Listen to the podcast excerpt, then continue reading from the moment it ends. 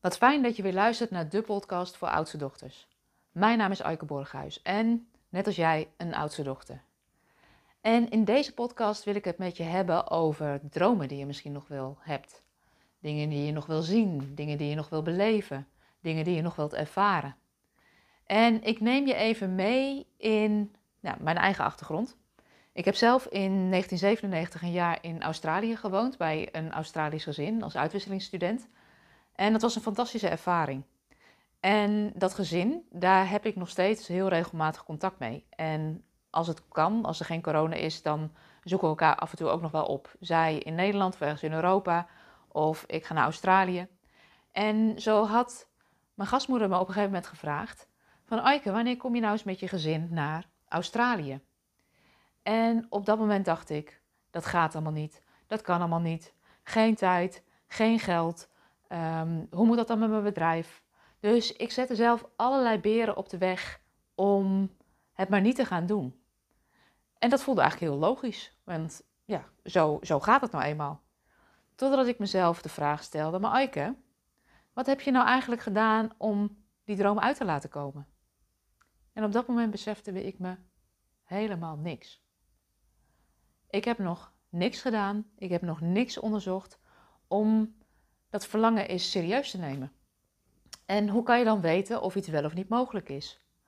Dus het begon dat ik gewoon eens met Peter in gesprek ben gegaan. En Peter is mijn man. Hoe zou je het vinden om eens een keer met het gezin op reis te gaan naar Australië? Ik zou heel graag de kinderen ook de plek willen laten zien waar ik gewoond heb. Ze het land leren kennen. En toen zei hij, nou, als jij dat heel graag wil, dan moeten we eens gaan onderzoeken hoe we dat mogelijk kunnen maken.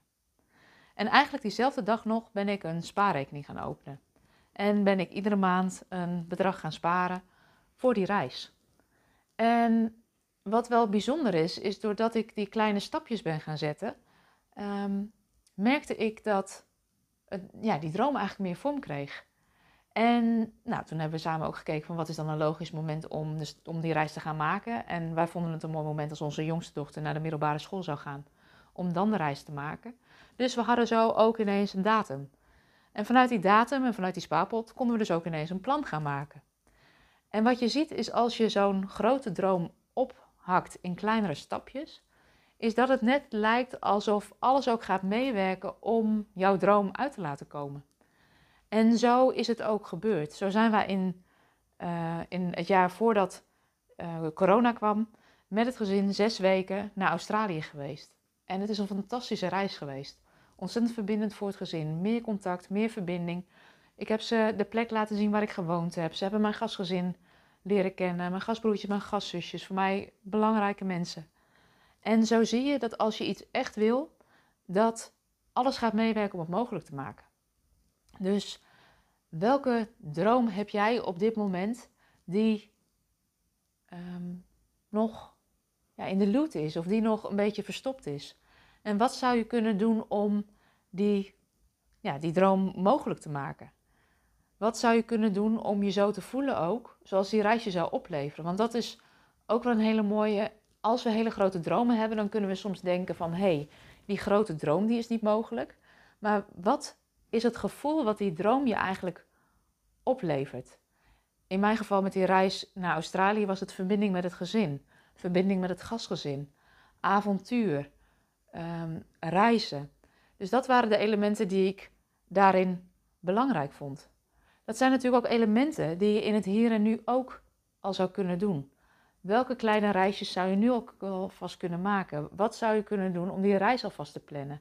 En dat zit hem soms in het lezen van een reisgids. Of dat zit hem misschien in het eten van een gerecht uit het land waar je graag naartoe zou willen. Het gaat om het gevoel wat zo'n droom je oplevert. En het mooie is als je het zo klein maakt. Dus als je kijkt naar wat is dat gevoel wat die dromen op zou leveren.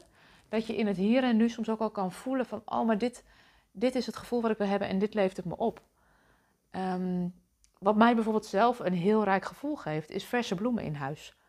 Um, kost een paar euro in de week, maar het voelt voor mij heel rijk. En dat levert daarmee ook echt een bijdrage aan hoe ik me voel. Dus dat zijn dingen die je nu al zou kunnen doen om een droom misschien wat dichterbij te kunnen laten komen. Als jij verlangt naar ooit een keer een boek schrijven, wat zou je dan nu kunnen doen om je schrijversvaardigheden te kunnen opbouwen. Misschien kun je wel beginnen met bloggen. En zo zie je dat zo'n hele grote droom vaak ehm, ja, onder te delen is een bepaald gevoel wat het je oplevert. En dat je in het hier en nu vaak al kleine stapjes kan zetten om die droom uit te laten komen. Dus ik ben heel benieuwd wat jouw droom is en of je die eens met me zou willen delen. En dat kan op, via de website www.oudstedochter.com. En dan hoor ik je graag. En ik wens je heel veel plezier met het kleinmaken van die grote droom. Of kijken welke eerste stap je zou kunnen zetten om die droom uit te laten komen. Want weet, iedere droom die uitkomt, begint met dromen, met een verlangen, met een gevoel wat je wil hebben. Maar vervolgens ook met actie. Welke kleine stap kun je nu zetten? En je zult merken dat als je die stappen zet, dat die reis of die droom of dat verlangen binnen handbereik komt. Als ik niet in beweging was gekomen, een paar jaar geleden, hadden we die reis naar Australië nooit gemaakt. En hadden we die ervaringen en die herinneringen als gezin nooit kunnen maken. Dus wacht niet langer, stel je dromen niet langer uit en kijk wat je in het hier en nu al kan doen om ze uit te laten komen. Ik wens je voor nu een hele fijne dag en ben benieuwd naar jouw dromen. Vond je deze podcast nou interessant en wil je geen aflevering meer missen? Abonneer je dan. Dan krijg je een berichtje wanneer er een nieuwe podcast online staat.